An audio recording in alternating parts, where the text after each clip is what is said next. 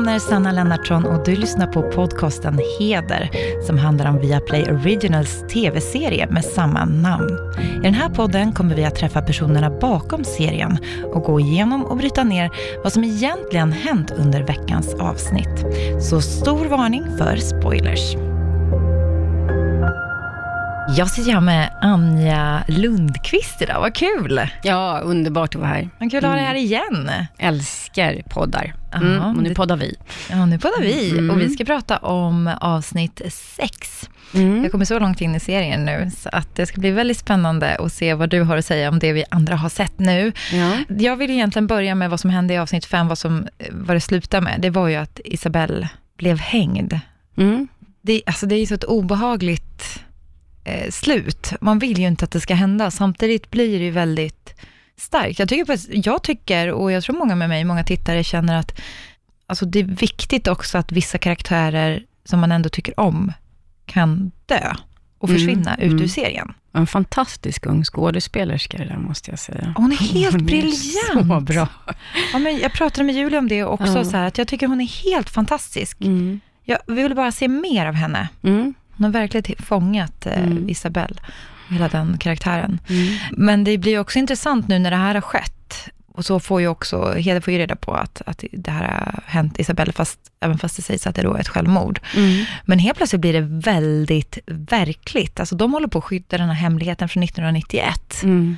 Men det här, nu börjar det liksom gå lite överstyr. Jamal har dött och nu dör Isabelle och man vet liksom inte, saker som de jobbar med och är inblandade i Mm. blir så stort. Sandra har ju blivit avslöjad som Houdin. Yes. Så helt plötsligt tycker jag, nu kommer ju Sandra en helt annan dager. Ja, verkligen. Från att ha varit det klassiska offret till att också vara en potentiell fara, eller hon är ju en fara. Vi vet ju vad Houdin har varit. Och samtidigt vet jag inte riktigt vad, vad hon nu då vill. Mm. Och då, när man ser den här, hon är ju fortfarande ganska snäll och, och trevlig hemma hos, hos Nor. Samtidigt som hon eh, har ju varit hemma hos Nor och skurit henne i handen. Ja. Hon har attackerat Janni i rulltrappan och stuckit henne med heroin. Och hon har även eh, fyllt Jamal med en dödlig dos heroin, om det nu var meningen eller inte, det vet jag inte. Och nu här i sexan så händer det fler saker som kanske är Sandra, eller kanske kan det vara några andra. Det vet man ju inte riktigt vem det är som gör det. Nej, och det är det jag Men, menar, man är ehm, hela tiden på tårna. Jag känner att man blir så nervös så fort hon kliver in i ett rum eller t- öppnar munnen. Ja, hon är svår att, att sätta fingret på i och med att också, det är ju ingen renodlad psykopat, för hon har ett självskadebeteende, hon har en längtan, men hon skär sig, hon eh, hanterar sin smärta. Hon känner ju uppenbarligen väldigt mycket, Sandra. Hon är ingen psykopat, det har du rätt i, men samtidigt tycker jag att hon är väldigt beräknad. Exakt. Det känns som att det finns en kyla har- som är oerhört eh, kalkylerande och, obehaglig. Ja, kalkylerande är ordet. Mm. Det, det tycker jag man känner väldigt mycket av henne. Men, eh, Och här finns ju också en scen i den här, det här avsnittet där hon hjälper Nor att tvätta. Har du tvättat? Ja, jag vaknade tidigt så jag tänkte att jag ville göra något för... Fast det här är ju mina kläder. Där går hon över gränsen, Ja. eller var det bara snällt? Mm. Tycker du det, om, någon hade, om du hade bjudit hem någon som du är, alltså känner lite grann och den hade tvättat dina kläder, är du över gränsen? Men att ha en ung tjej med självskadebeteenden och som har prostituerat sig boende hemma hos sig, kanske jag skulle känna att den då av tacksamhet vill ge någonting tillbaka. Mm. Så konstigt tycker jag inte det är. För Nor så är det ju tydligt så här, "Nej, nu gick du för långt. Ja, men jag tror att för mig, om det hade hänt Ja. mig privat, så skulle jag nog inte tyckt det. Så jag tyckte det var gulligt och ett sätt att visa att jag är tacksam. Ja, för det är verkligen en sån här... Som är, ligger det hos Nor eller Ligger- ligger det hos henne? Men Ja. nu när man får veta de här sakerna om Sandra, då kommer ju det där tvättandet kanske i en lite annan dager. Ja. Och ibland tänker jag också kanske just det att Nor har levt själv och att hon har ganska mycket integritet. Då gör Mm. Ja. det, det här, eller gör det mycket större. Ja, för Nor är kanske lite överkänslig på just det här, eh, på de intima områdena. Hon blir lite utmanad och det är ju ganska Mm. sunt. Mm. Sen så nu när vi vet att Sandra är hoodien så kan vi tycka att det är för skönt om hon blir utmanad av någon annan. Ja, precis. Det är liksom, Vad gör du innanför Nors dörrar? Liksom? hon, hon kommer Känns bli överdrivet skadad sen, Ja. om hon får reda på det här på något Mm. sätt, eh, om hon överlever. Mm. Men sen tar hon ju också med Nor till skyddsrummet, för Nor eh, får ju inte tag i Marre. Du, jag behöver få tag på Marre. Har du någon aning om var hon kan vara någonstans? Nej. Men jag vet ett skyddsrum där vi brukar vara. Jag kan möta dig där. Nej, nej, du är hemma idag. Marre är ju på jakt efter pengar Japp. eh, till sitt missbruk. Ja. Och eh, tror väl att hon ska få det nu då.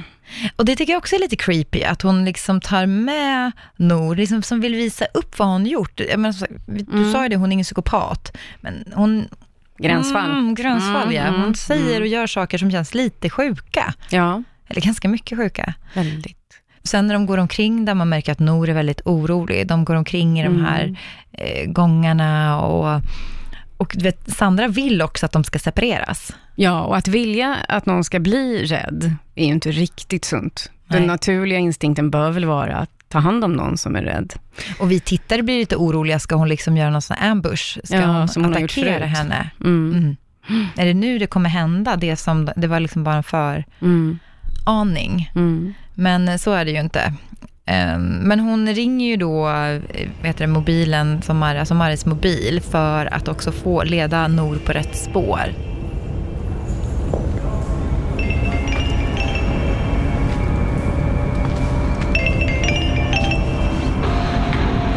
Marre.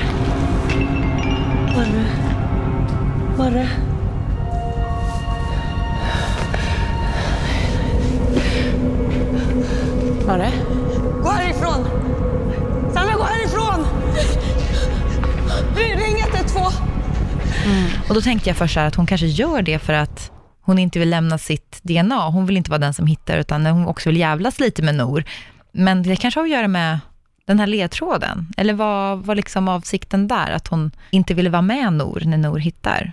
Är det ett psykopatiskt drag att bara vilja iaktta när någon blir skrämd och rädd? Och, eller har att göra med att inte vilja närma sig och ta på och lämna DNA och så? Det, det vet man inte än. Och sen så slår det mig, för Micke kommer ju till mordplatsen. Ja, polisen måste ju komma. Ja, och att, eh, att Marre går bort ytterligare en person. Vi Ja. någon, nästan varje avsnitt Och med här. sitt barn i magen också. Jag är Ja. höggravid. Otroligt sorgligt. Mm. Så att det också visar på hur Sandra inte skyr några hinder, att hon kan Nej. gå så långt. För hon sa ju också, Marre sa ju så här, jag berättar för kärringarna på heder, eller jag berättar för, Mm. för kvinnorna på heder. Och då förstår man ju att Sandra verkligen har något hon vill dölja. Dölja. Dölja för dem, ja. ja. Och det har hon verkligen. Hon har det. Ja. ja, men hon beter sig, hon måste ju...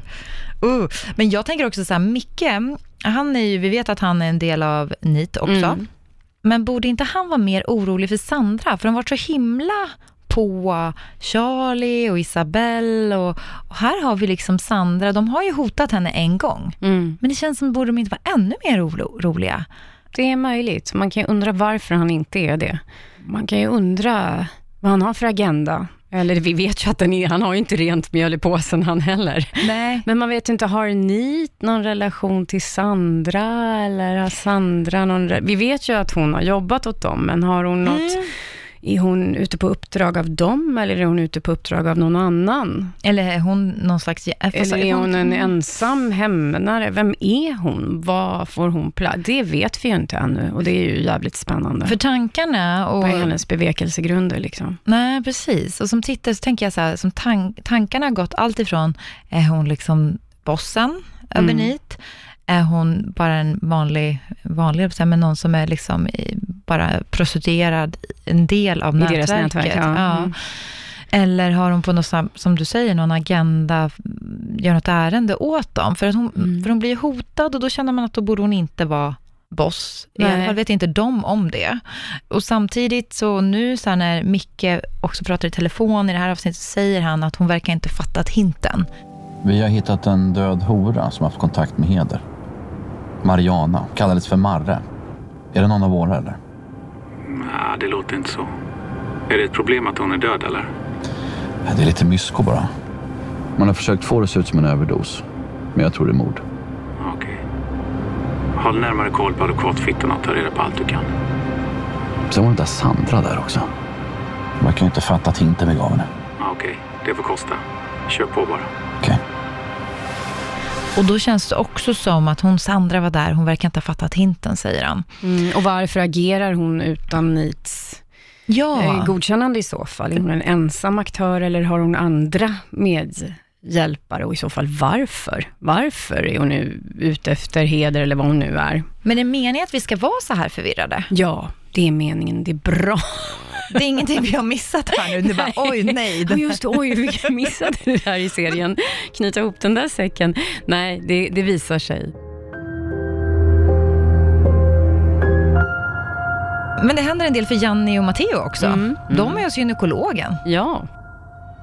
Gratulerar er bägge. Tack så mycket. Det känns fantastiskt. Det är ett mirakel. Proverna visar att du har sädesledarinflammation. Och då är chanserna väldigt små. Ö, förlåt, nu hänger jag inte riktigt med här. Hur menar du? Ja, med inflammation är det så att det rör sig inte så snabbt. Och då är det mycket svårare att... ehm, Bli gravid? Mm. Hur mycket svårare är det om vi pratar rent procentuellt? Ja, jag skulle säga att eh, chansen är 4 till 5 procent. ja men, alltså, då är det ju fantastiskt. Ja, det är ett mirakel. Verkligen. Det bygger ju faktiskt på en, en, en verklig grej kring en person i, i teamet som Du, det har jag faktiskt listat ut. Jag har nämligen pratat med Rickard Holm och så här lät det. självupplevd från mig, det är sex på 60 sekunder när man skulle skaffa barn. Och det inte gick så lätt som, som mellan um, Janni och, och Matteo där. och Matteo där, ja. där jag och min fru kom in i ett sånt läge att ja, men vi kan inte hålla på och, och tillfredsställa varandra eh, varje gång, för vi ska bara tillverka ett barn. Så låt oss bara göra det kort och effektivt. Och det var precis som för Matteo, det var inflammerad sädesledare om man ska bli lite privat. Men när man käkar lite penicillin sen så, tjo, ordnade det sig. Han bjöd på den historien. Ja, så, så kan det vara. Vill du bli pappa ska du inte ta långa varma bad. Så är det. Det sa han inte. Vad berodde det på det? Ja, nej berättar inte det. Han han nej, berättade det var att han nämligen hade- så här att eh, till slut så frågade läkaren Rickard, tycker du om att ta långa varma bad? Ja, varje kväll. Varje kväll tog han långa va? och då blir nämligen det lättare att få en, en sädesledarinflammation och de kan bli oerhört eh, slöa och sådär. Mhm, lite uppvärmda och lite dåsiga. Eh, Pungen hänger utanför kroppen för att vara lite kallare. Aha. Jo, för spermierna ska må bra.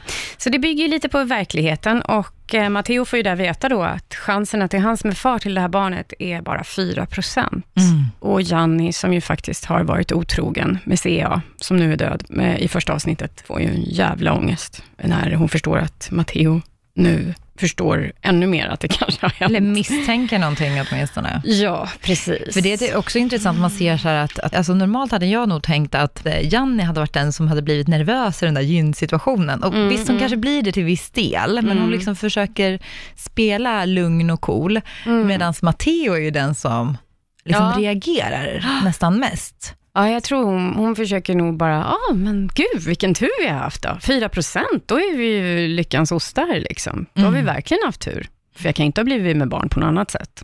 Nej. Så det är väl det hon försöker förmedla.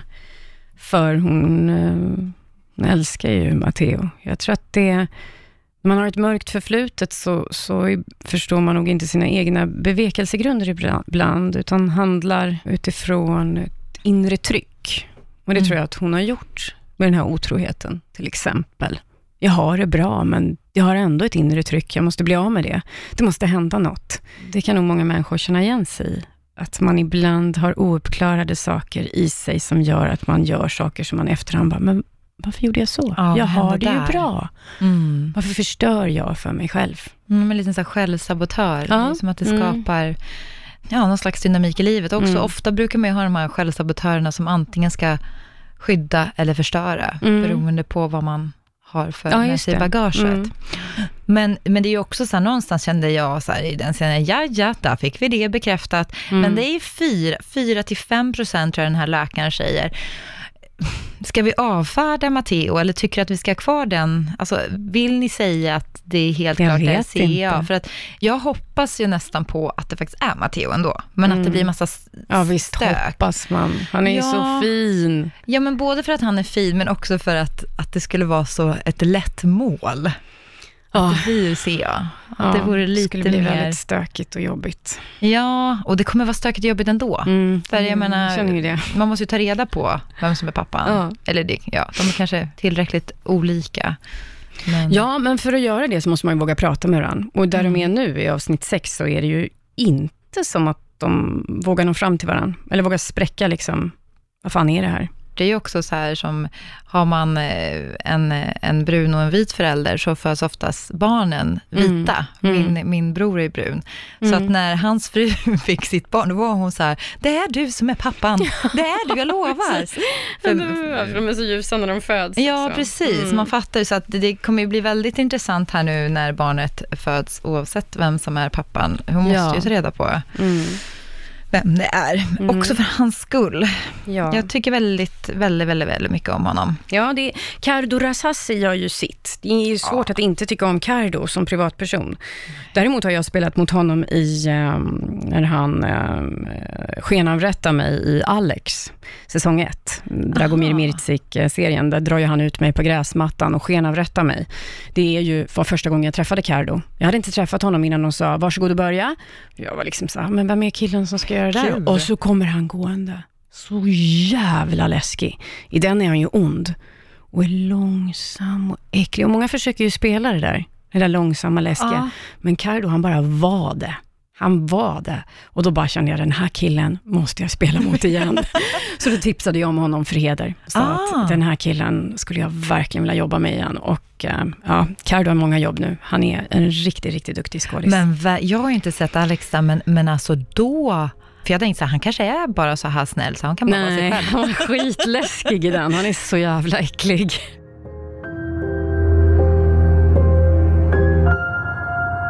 Sen har vi fått reda på lite mer kring den här nitappen. Ja. Som sagt, det är mycket trådar, det är mycket att hålla reda Mm, på. mm. Och här ska du få hjälpa mig att reda ut lite grann. Allan hjälper ju Elin i det här avsnittet. De går igenom och kikar på hur själva appen ser ut. Mm. Och då säger, dels säger Allan att tredje part kan lyssna av. Och det är väl det som då har hänt när de bara stängde, Stängde av den. Klas, eh, den de hade tagit av Klas. Mm. Ja, så att de kunde liksom se att det var i fel händer. Mm. Och sen så hittar, nämner Allan att han ser det här en app som ser likadan ut som nitappen. Det här är väldigt intressant. Det här ser precis ut som en nitapp. Vad är det du säger? Äh, Vänta, jag måste koncentrera mig. Och då ser de att den tillhör den här Atlas Unshrugged, är, Precis. står som liksom avsändare. Jag tror jag vet vilka som ligger bakom NIT.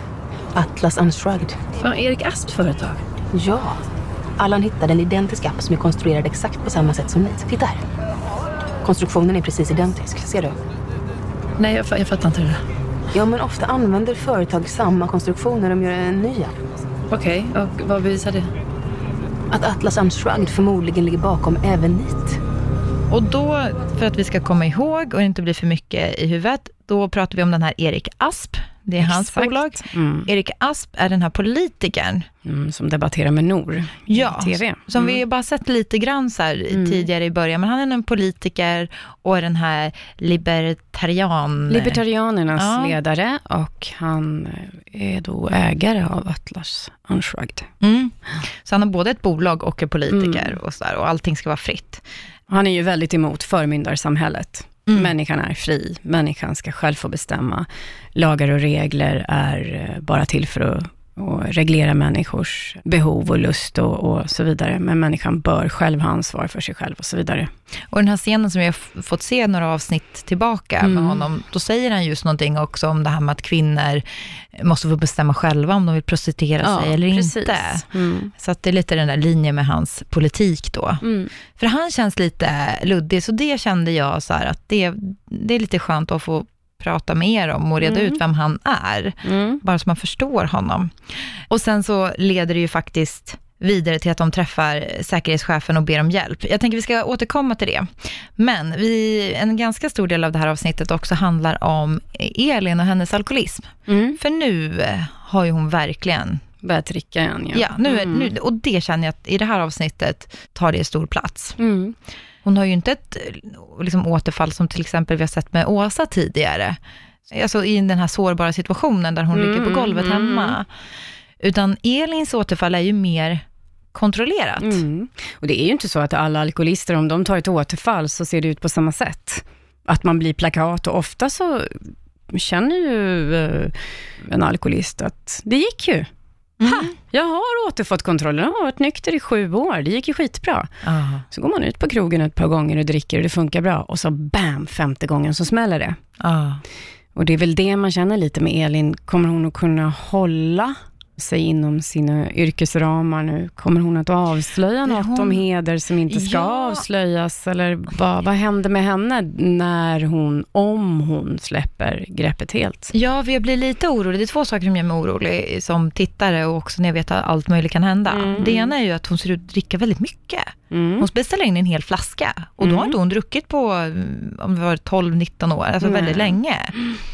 Det, det känner jag så här, men det kanske, det kanske går. Alltså, Ja, det, det där är- kan vara väldigt olika. Många kan ju säga att har man inte druckit på länge så blir man pruttfull när man Mm. dricker igen. Eh, men ibland kan det vara så att en person som dricker väldigt mycket kan bli full på ett glas öl plötsligt en dag. Det där är ju otroligt olika. Det Mm. finns mycket fördomar kring det där tror jag. Men eh, jag har ju varit med mycket och jobbat med Elin-rollen just för att jag är nykter alkoholist själv Mm. sedan 19 år tillbaka. Så att jag kan väldigt, väldigt mycket om alkoholism och den ser otroligt olika ut för olika personer. Och jag tror att så som jag har tolkat och varit med och skapat Elin, så är det att hon är en sån där som kan dricka ganska mycket och kanske blir högpresterande då. mm. Så för henne är det bara, åh, äntligen kan jag börja jobba ordentligt. Ja, det är liksom lite som de där som försvarar sitt missbruk med att de blir mer kreativa. och, Exakt, ja, precis så. Och så funkar det ju för vissa personer, medan andra då har en otroligt utagerande alkoholism och måste söka hjälp väldigt tidigt i sitt liv för att det inte ska gå helt åt helskotta för att man, ja, man börjar hoppa bungee jump och man börjar, alltså man börjar vara utagerande och göra saker som märks. Medan Elin är ju en ganska sofistikerad person. Mm. Hon har en väldigt Eh, Eh, hon jobbar eh, väldigt systematiskt, hon är otroligt duktig på data, hon, hon är ganska kontrollerad på något sätt och, och då har hon den här ventilen. Och jag tror så här i början att, som du säger, man blir förvånad om beställer in en hel flaska, Mm. men hon ser det bara som ett tecken på att, ja, men det var inte så farligt. Titta vad jag kan. Titta vad jag kan, det här funkar ju bra. Det- Det, jag är botad. En andra saken kring hennes drickande som, Mm. som jag reagerade på, och det kanske finns fler som också reagerar Mm. på det, det är att hon ändå sitter ganska öppet. Hon sitter på en uteservering och dricker. Mm, mm. Hon är ju inte öppen för sina nära och kära, men de kan ju komma förbi, vem som helst kan komma förbi, tänker jag. Mm, mm. Men det kanske, alltså det gör mig nervös. Men där tror jag också, jag tror att Elin inte är en sån som, där vet inte gemene man att hon, att hon har Nej, men Stockholm är ju alkoholism. litet, hon kan ju Utan jag tror att hon någon. är en del av stan där hon inte brukar vara. Ja, det är att, sant. eh, Karin säger faktiskt, vad gör du här? Ja men precis, jag tror att hon är en del av stan där hon inte brukar vara. Här kan hon inte stöta på någon granne, ingenting. Men naturligtvis är det dumdristigt och det är ju precis vad alkohol gör med en alkoholist. Mm. Du börjar inte tänka på konsekvenserna. Du fattar dåliga beslut och tycker, "Oj, jag är jävligt bra på att cykla när jag är packad, eller Mm. jag kan nog parkera om bilen fast jag är full. Alltså små saker, gränser som flyttas och det är ju otroligt dumdristigt av henne att sitta där. Ja, jag tror att det känns som att hon kanske efter det du har sagt nu också, att hon går igång lite på att hon lyckas hantera det. Ja, men jag tror det. En fröjd, en frid. Äntligen är hennes gamla älskare tillbaka. Mm. Alltså spriten. Mm, ja, spriten. Ja, ja. Och det Jag bara, funkar vadå? bra att ha någon vid sidan av. Titta vad bra det funkar, jag mår ju bättre. Mm. Och hon gör ju det för stunden. Mm. Alltså familjesituationen blir ju ännu värre. De har ju haft det ganska ansträngt. Mm. Det, det blir också väldigt tydligt tycker jag när Elin kommer hem och eh, Ada har lagat middag åt henne. Det är liksom, man kan bara känna det här dåliga samvetet och Mm. samtidigt att hon känner den här mammalyckan. Åh, vilken Mm. fin dotter jag har. Det är som att hon inte ser Mm. att det kan finnas några problem, för i den där stunden är allting bra. Ja, precis. Och ändå ett litet dåligt samvete, varför har jag liksom oroat mig? Mm. Vidare sen i avsnittet så störs ju liksom den där sköna feelingen när då eh, David, är det vad som Elins man heter, hittar en flaska vodka. Ja. Och Ada Mm. får skulden. Ja, precis. Trodde du att vi inte skulle hitta den? eller? Jag trodde inte att ni inte skulle hitta den, för inte min säger jag ju. Vad är det som händer här? Hittade den här. Gömd i trädgården. Vem som helst kan ha gömt den där. Vem som helst. Ja, någon granne till exempel. Det här är allvarligt. Det är vodka, det är ren sprit. Det förstör hjärnan. Ja, det borde ju du veta. Jävla unge. Gå upp på ditt rum! Alltså ni är så störda, jag bryr mig inte ens längre. Och ni har utegångsförbud också! Man vill ju på något sätt att Elin bara ska ta den, det tillfället, men hon kan, alltså hon kan ju inte, jag fattar ju det också samtidigt, men det är ju otroligt hemskt att behöva lägga en sån sak då på sitt barn. Ja, och det är ju missbruk överlag i, sin, i sitt eh, esse. Man befriar sig själv från ansvar och omgivningen blir ansvarig för ens missbruk och då inkluderar ju det effekten av lögner, att inte mm, benämna saker vid dess rätta namn och så vidare. Ja, man också, man känner sig att Ada, det är mycket som kan hända där. Alltså, Ja, Elin har en viss oro för henne, men samtidigt så, ja, det är en väldigt diffus oro. Ja, den är diffus hon tar inte ansvar för den. Mm. Det är ju tråkigt att det blir så att hon stöter Ada och sin man också längre och längre ifrån sig. Mm. med genom allt det här. Men Janni tar också plats, vår action-Janni. Ja. Vi har kanske några mer skador? Nej. Eh, Nej, men Charlie blir ju jagad på stan. Ja, just det. Och ringer Janni. Mm. Alltså det kan ju vara vem som helst. Nej, Jag kan inte stå här längre. Ta honom. Ah! Släpp mig Janni! Släpp mig! Nej! Ah! Släpp dem. Det är för många som kollar. Kände du igen dem? Nej. Och hon kommer farandes, som bara hon kan. Springandes. Ja, verkligen. Det är lite så här, du vet, man ser vissa filmer där bilarna åker in i fruktstånden. Ja, det är liksom, precis. när Janni kommer in i bilden, då vet vi att det är sånt som händer. Lite action. Kasta sig Ja. framför bilar och grejer. Ja. Men inga skador där. Nej, det var gick skönt. bra. Det är faktiskt en stunttjej som rullar runt på huven där. Ja, och skönt. Mm. Ja, nej, men, nej, men det kanske var, spelades in efteråt också, så du lärde dig av... Hon gjorde före mig och sen gjorde jag efter, liksom, Jaha. jag precis stöter ifrån bilen. Så. Ja. Ja, nej men ehm, Charlie blir i alla fall eh, jagad och det känns också som att, så här, att nu har det varit lugnt en liten stund. Nu ska vi Mm. höja pulsen, som Ja. att ett medvetet eh, dramaturgiskt drag Mm. nästan. Den, den är liksom diffus lite grann. Vad, jag kan inte säga att jag hade högre förväntningar på den. Men det var avsnoppat. ja men det är så här, det gick ändå bra. Alltså, Ja, man blir precis. lite, jaha, vad, Jaha. jaha. Var det inte mer än så här? Nej. man blir så himla tagen, eh, Mm. ja, tagen på sängen lite grann och lite, ja, får rensa tankarna. Det är väl det Mm. också, att ni kanske inte vill att man ska tänka på alla andra grejer och lista ut ledtrådarna för tidigt. Nej, precis. Så vi måste ha en undanmanöver. Men vi får i alla fall eh, se eh, Micke stå där och spana. Ja, precis. Då tänker jag också så här, men alltså vad gör han på dagarna? Har han Precis. tid med det där att stå och jaga och spana på folk? Inte han. Han ute och, och köper en kaffe, då passar han på. Nej. När Matteo går på toa. Ja, precis. Och eh, vidare så ser vi också Klas bubblar upp lite grann. Mm. Han är en sån liten putterroll. Ja. Vet fortfarande inte mycket.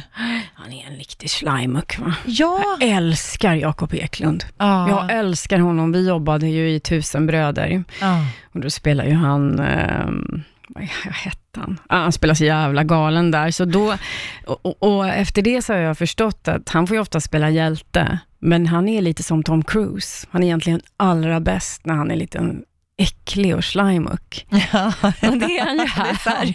Då, då, Alltså, då Tom Cruise, ser man hur jag... Ja, det är sant Det om honom också. Visst är det det? Ja, han det är det. riktigt jävla bra när han spelar ett svin. Ja. Och, och Jakob är lite likadan, för att han är så älskvärd, så att när han spelar någon som, ah, han njuter va.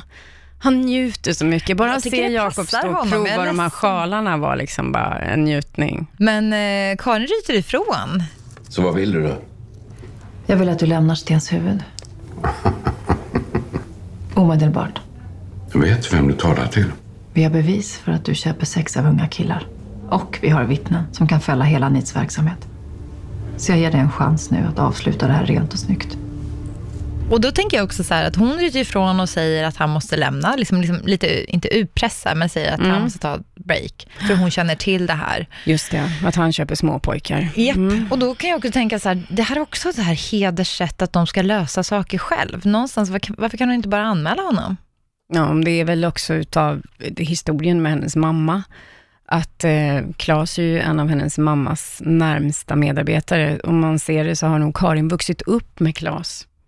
Men alltså att då- han har funnits där jämt i hennes liv, så att det är ju en... När det är lite att liksom Stens huvud inte ska bli smutskastat Exakt, då. för, för det går ju också ut över oss, över heder och sen har ju Karin en oerhört, Karin är ju väldigt stark, men hon, hon är svag med sin mamma. Det är hennes akilleshäl, där är hon inte så stark som hon skulle vilja vara.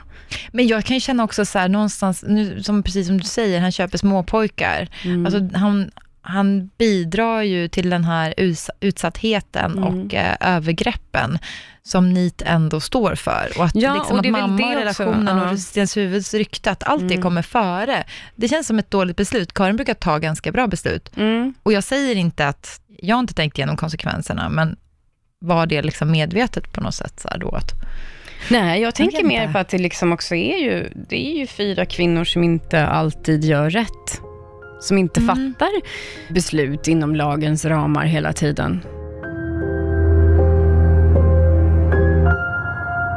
Nor, vi vill se Nor också i en ganska ändå stark scen när Isabells mamma får träffa Isabel efter, på sjukhuset. Ja, just det. Det är en jättefin scen. Ja, Mm. och det är också så här, om man tycker den här jag-scenen, jagarscenen med Mm. Janni höjer Mm. pulsen. Här liksom landar vi lite och det Mm. blir lite allvarligt igen. Mm. Och man ser också hur Nor har blivit berörd av det här. Man förstår verkligen Mm. allvaret. Där får vi också veta, Nor luskar lite, frågar sjukhuspersonalen hur det utretts. För hon upptäcker några blåmärken. På... Som inte var där när Nej. hon träffade henne dagen innan. Ja. Ursäkta, ursäkta. Va? Hej. Nour Navid, jag vet inte om du kommer ihåg mig. Jag är målsägande vid trädet Isabella Andersson. Jag undrar, är ni helt klara med obduktionen? Ja, och den fastslog att det var självmord. De här blåmärkena som hon har på handleden. Jag är ganska säker på att de inte fanns där dagen innan hon dog, för jag träffade henne då. Jag fick förklaringen att de hade uppstått tidigare på dagen. Kan du fastställa exakt när de uppstod? Men vart vill du komma? Jag vill vara helt säker på att min klient inte har utsatts för någon våldsbrott. Åklagaren anser inte att det finns något underlag för vidare utredning. Så om du har information som tyder på annat än självmord så får ju du ta det med Pierre Carnot. Men de säger att åklagaren inte vill utreda det vidare. Och då visar det sig att det är ju då Pierre Precis. som är åklagare. Och då vill hon leta upp honom och Mm. ser honom på stan med sin Mm. fru och barn. Just det. Men istället för att följa efter Pierre så följer hon efter frun och barnet. Mm, in i en klädaffär, ja. Mm. Och där ser hon Pierres fru eh, prova kläder. Och hon har blåmärken. Och det är också det här lite grann att man känner, alltså inte att hon är besatt, ja men att hon liksom, det- det är någon slags som drar i henne, att hon gör det, att från början att hon väljer också att följa efter frun. Mm. Det är som att hon vill säga någonting till henne, eller varna henne, eller jag vet inte. Mm. Eller vill, är hon bara nyfiken? Mm. Det ska man nog inte veta här nu än. Nej. Riktigt, varför Nor dras till att följa efter frun och inte honom. Ja, Um, precis. För, Det är någonting där. Ja. Det är någon känslomässig hake där med Pierre och hans familj och... Ja, Ja, just? Att, ja, Mm. just att hon också liksom har ett intresse för hans familj. Och då börjar jag tänka också så här, en emotionell... Är det så att hon liksom är kär i honom, men han verkar inte så sympatisk. Men ja, jag tycker det är svårt. Jag är Ja, det är någon, det är någon så här, som en fluga som Ja. Som är, är runt någon köttbit. Alltså det, eller det är någonting som drar henne Ja. dit hela tiden. För sen släpper hon ju det, sen, prat, sen så letar hon Och ju hon inte upp det berättar här. ju inte liksom, jag Nej. gick efter och såg. Så det är någonting hon håller för sig själv, Nor. Och varför gör hon det? Mm. Och hon går ju inte vidare heller liksom sen och, och luskar i det här med Isabelle-grejen, utan då är det som att hon släpper det där och då. Mm. Men eh, ändå intressant hur hon väljer att agera i den situationen. Mm. Och vi får också, i det här avsnittet, får faktiskt också se en del om eh, Karin och Harald. Och där har jag faktiskt pratat med Eva Röse om Ja. eh, Mm. hur deras relation ser ut. Ja, hennes äkta man är ju då, eh, spelas av Björn Kjellman. Och de har ju ett, ett fritt äktenskap. Och de liksom har andra. Och det är helt uttalat, så det är ju ingen som egentligen kan bli ledsen. Om det inte är så att någon av de här älskarna eller älskarinnorna liksom får för sig att, att man ska gå deeper, för då blir det ett problem. Mm. Så de har det här fria äktenskapet, vilket verkar funka. Men man kan ändå tycka att i det här fallet så är det synd om den äkta mannen som hamnar lite under, eftersom han kommer in i sitt eget vardagsrum när Karin verkligen bokstavligt talat sitter on the top. Ja. Och det roliga var att den dagen när vi skulle filma, då har liksom Björn Kjellman ramlat på scenen på något sätt, va? och när han spelade Så som i himlen, skådespelarnas liksom liv, det här att han, han bröt typ foten. Fick en sån här träben som vi kallar när man fick en krycka. Och liksom någon jäkla, du vet, gips. Och det blev så jävla odominant, att han skulle halta in också. Nej. Till den andra alfahannen som just ligger med hans fru. Och så ska han liksom halta in med krycka och gipsben. En Och liksom- ex-kriminella också, så typ så här. Nej, men jag, alltså, jag älskade det faktum att nej, men vi behåller den här kryckan och haltet. Nu får du alltid ha det här. Och så ska han liksom halta in och upptäcka sin fru med en annan man. Jag tycker att det tillförde också, liksom, verkligheten överträffade totalt hur bra det kunde bli. Man tycker faktiskt inte riktigt synd om, eh, om vad heter din make här nu, Harald. Ja, man, tycker inte så mycket, man tycker faktiskt inte jättemycket synd om Harald, för han är så cool. Ja. Han går in med det här med sån självklar naturlighet, sån situation, så att vad som blir så konstigt, om man tittar på det i teorin, så tycker man ju att det borde vara synd om honom. Mm. Men när man sen ser serien, då, då liksom vurmar man ju för Robert, Ja, att det är synd om honom. Ja, eftersom Harald och Karin är ju ett totalt team. De Ja. är superteam. Och Harald är ju jättechill. Det finns ju en scen där, där han står och lagar middag till Karin och så berättar han att Robert har kommit på besök. Och är helt så här, ja, nu har han missförstått lite, liksom stackars han. Det är verkligen också en så här, eh, ett sätt, eh, ett uttryck han har i det där, att de bara, oj ja, en Sara-situation. Här. Det, är liksom, det har inte heller hänt första gången. Nej, det är fint tycker jag. Att man först, alltså, de är ett sånt superteam, det där paret. Och det, det vill man ju också veta mer om. Jag vill veta mycket mer om Harald och Karin. Och, och, såklart sonen. Och hur det ska liksom, hur, det här med Robert, allt är ju spännande. Men det är en jätteintressant skildring av kärlek, att kärlek kan se ut på så många olika sätt. Att det är en form av kärlek, att de har Ja. blivit ett superteam. Och Mm. sen så har, låter de kanske allt det här passionerade, stormiga, härliga nyförälskelserna leva kvar, men med andra. Mm. Vad säger du om det? Kan man ha det så? Ja, det kan det vara säkert. Det finns ju de som kan ha det så, om man får det fungera. Men det är det där med att man har liksom kanske fått Robert att inte riktigt förstå. Sen kanske han inte riktigt vill förstå. Robert, intressant karaktär. Mycket. Nej men vem vill vara i hans sits? Framförallt om inte Karin har varit ärlig från början, men hon, alltså, nej, han upplever sig ju såklart utnyttjad och trampad på. Och det är inte så bra för någon i hans, liksom, i hans bakgrund kanske, att känna så. Nej, och han går in i en situation där han för att få hennes kärlek ännu mer och vinna över, eller vinna, vinna henne, så visar han sig ännu mer sårbar. Och det hjälper ju inte. Nej. Och det är ju nästan ser ut att knäcka honom ytterligare. Mm. Det är ju något tillfälle han blir lite hotfull också.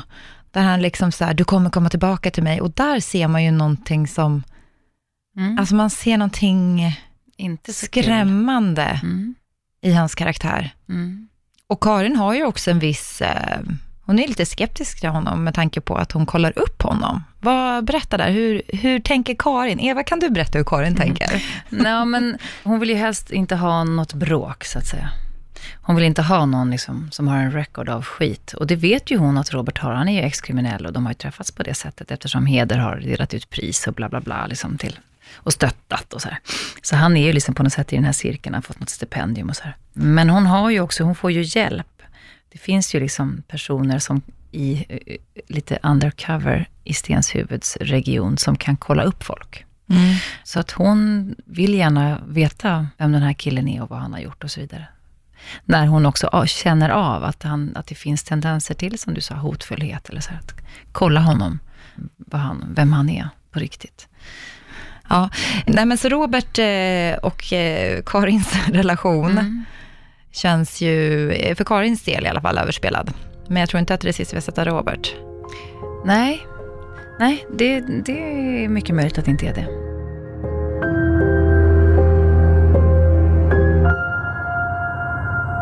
Det här, just de här eh, emotionella trådarna. Vi pratade om det här med också att Nor verkar ha någonting. Vi pratade om Sandra tidigare i avsnittet, hur hon liksom är omtänksam, även om vi vet att hon också är en förövare. Hon har varit ett offer som ändå har blivit en förövare. Och här, framåt slutet, så öppnar Sandra upp sig. Väldigt som starkt och berörande för Nor om övergreppen hon har blivit utsatt för av sin fosterpappa. Jag var 13 när han tog min oskuld. Jag vet inte när han började, jag var bebis. När han skulle säga godnatt så skulle han alltid pussa mig på öronen och, sen på axlarna och naven och sen lilla springan. Och eh, jag kanske var 9-10 innan jag förstod att inte alla pappor gör så. Har du någon kontakt med din familj idag? Nej, mamma och mina plastsyskon visste ju om allt. Och gjorde ingenting, så att... Eh, ja.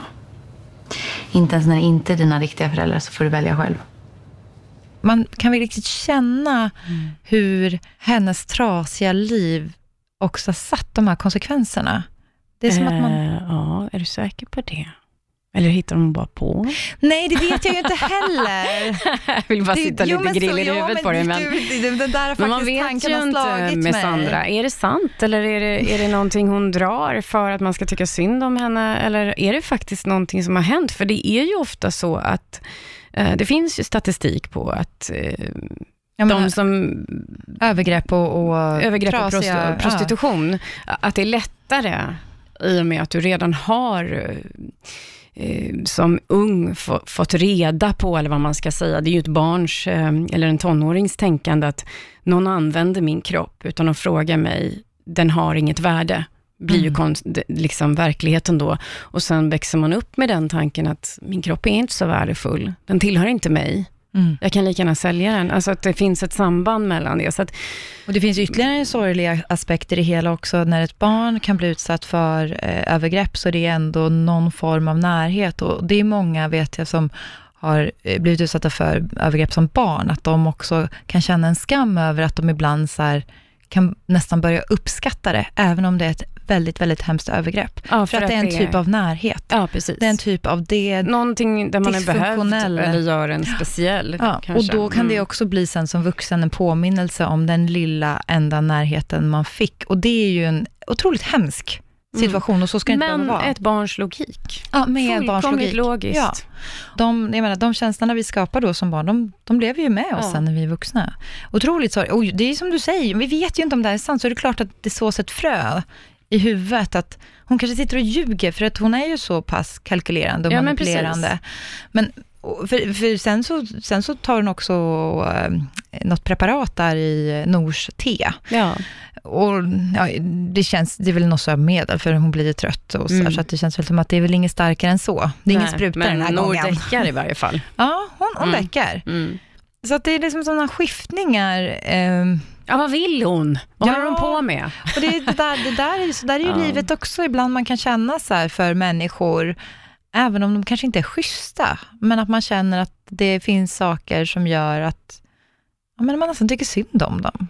Ja, man kan ju känna sympati. Ja. Och det gör man ju verkligen för Sandra. Mm. Man känner ju en jädra massa sympati för henne, tycker jag. Ja, Men, extremt. Hon var, hur den är, så mår hon ju inte bra. Nej, hon Så måste ha haft det Hur jättetufft. det än är, så är det någon med jävla ryggsäck. Ja, man vill Mm. gärna ta henne bara lite i, i famnen där, men, men Mm. ja, på slutet då, vi nämnde ju att eh, NIT träff, eller NIT, jag säger, nu börjar jag tappa orden här, men vi Mm. nämnde ju att Heder träffar säkerhetschefen på det här Atlas Unshrugged, alltså då Erik Asp, politikerns företag. Ja. Och Mm. säkerhetschefen Vesna, Mm. hon eh, vill först inte hjälpa dem. Men sen bestämmer hon sig för att hon ska hjälpa dem. Hon har Mm. insett att de har rätt. Mm. Hon blir eh, tagen av det de säger och förstår att den här appen, NIT-appen, Mm. har med deras företag att göra. Så hon hjälper dem in i serverhallen Mm. För att stjäla en eh, hårddisk. Där händer ju, där är ju Elin igen och det här med alkoholismen. Som Mm. sagt, det har tagit väldigt stor plats i avsnittet och det kanske också är för att vi kommer till det här slutet sen. Ja. Vad, eh, hur hennes beslut i den här stunden, eh, ja, vad det grundar sig i. Mm. Och där har ju hon tagit med sig då en fl- flaska vodka innanför jackan. Ja, och glömmer den där inne. Och grejen är att hon får reda på innan att när hon är i den här slussen där hon går in i serverhallen, så måste hon väga lika mycket när hon går ut som hon gjorde när hon kom in. Annars kommer systemet att låsa sig och hon kommer att bli kvar i slussen. Och det som händer är ju att hon glömmer flaskan inne.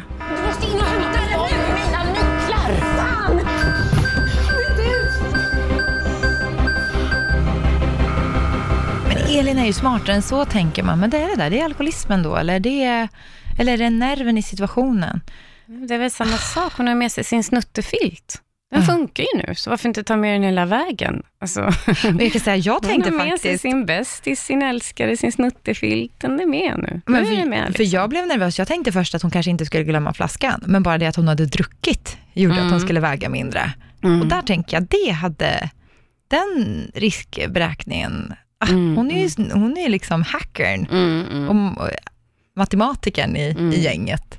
Men det är ju det, riskmedvetenheten försvinner ju på riktigt för alla som människor som dricker. Ja. Vad man än gör, liksom. Det är ju en del av alkoholens inverkan på hjärnan. Ja, ja, så, men- så även på Elin här nu då. Men så är det ju eh, verkligen. Ja, och det här korsklipps ju då med att Sandra faktiskt har sövt Nor. Så att nu Ja. vet vi ju faktiskt inte. Hon, hon vill i alla fall ut ur huset, Sandra. Mm. Jag tänker också att hon vet ju inte att de är på något slags uppdrag. Nej. Så att det har ju, hon vill ju inte dit, eller det är det jag tänker, det är sån himla timing. Men hon vet ju inte om det. Det Nej. kan vi ju i alla fall. Hon vet ju inte om vad de håller på med just Mm. där och då. Nej. Det råkar bara vara en händelse för att hon Mm. vill ta sig ut ur Mm. lägenheten. Ja, det är där vi... Det lämnar vårt gäng. Ja, Mm. vad ska Sandra göra nu? Ja, det är otroligt spännande som vanligt Mm. och vi får vänta ytterligare en vecka tills vi kan se avsnitt sju. Och Ja. då kommer jag ha Julia Duvenius med mig och reda ut alla bitar där. Och vi ses till sista avsnittet. Ja, det gör vi. Så Mm. när ni har sett klart på hela serien, då kan ni få höra vad Anja har att säga. Hjälper mig reda ut det. Tack så mycket för att du kom hit idag. Ja, tack så mycket. Tack.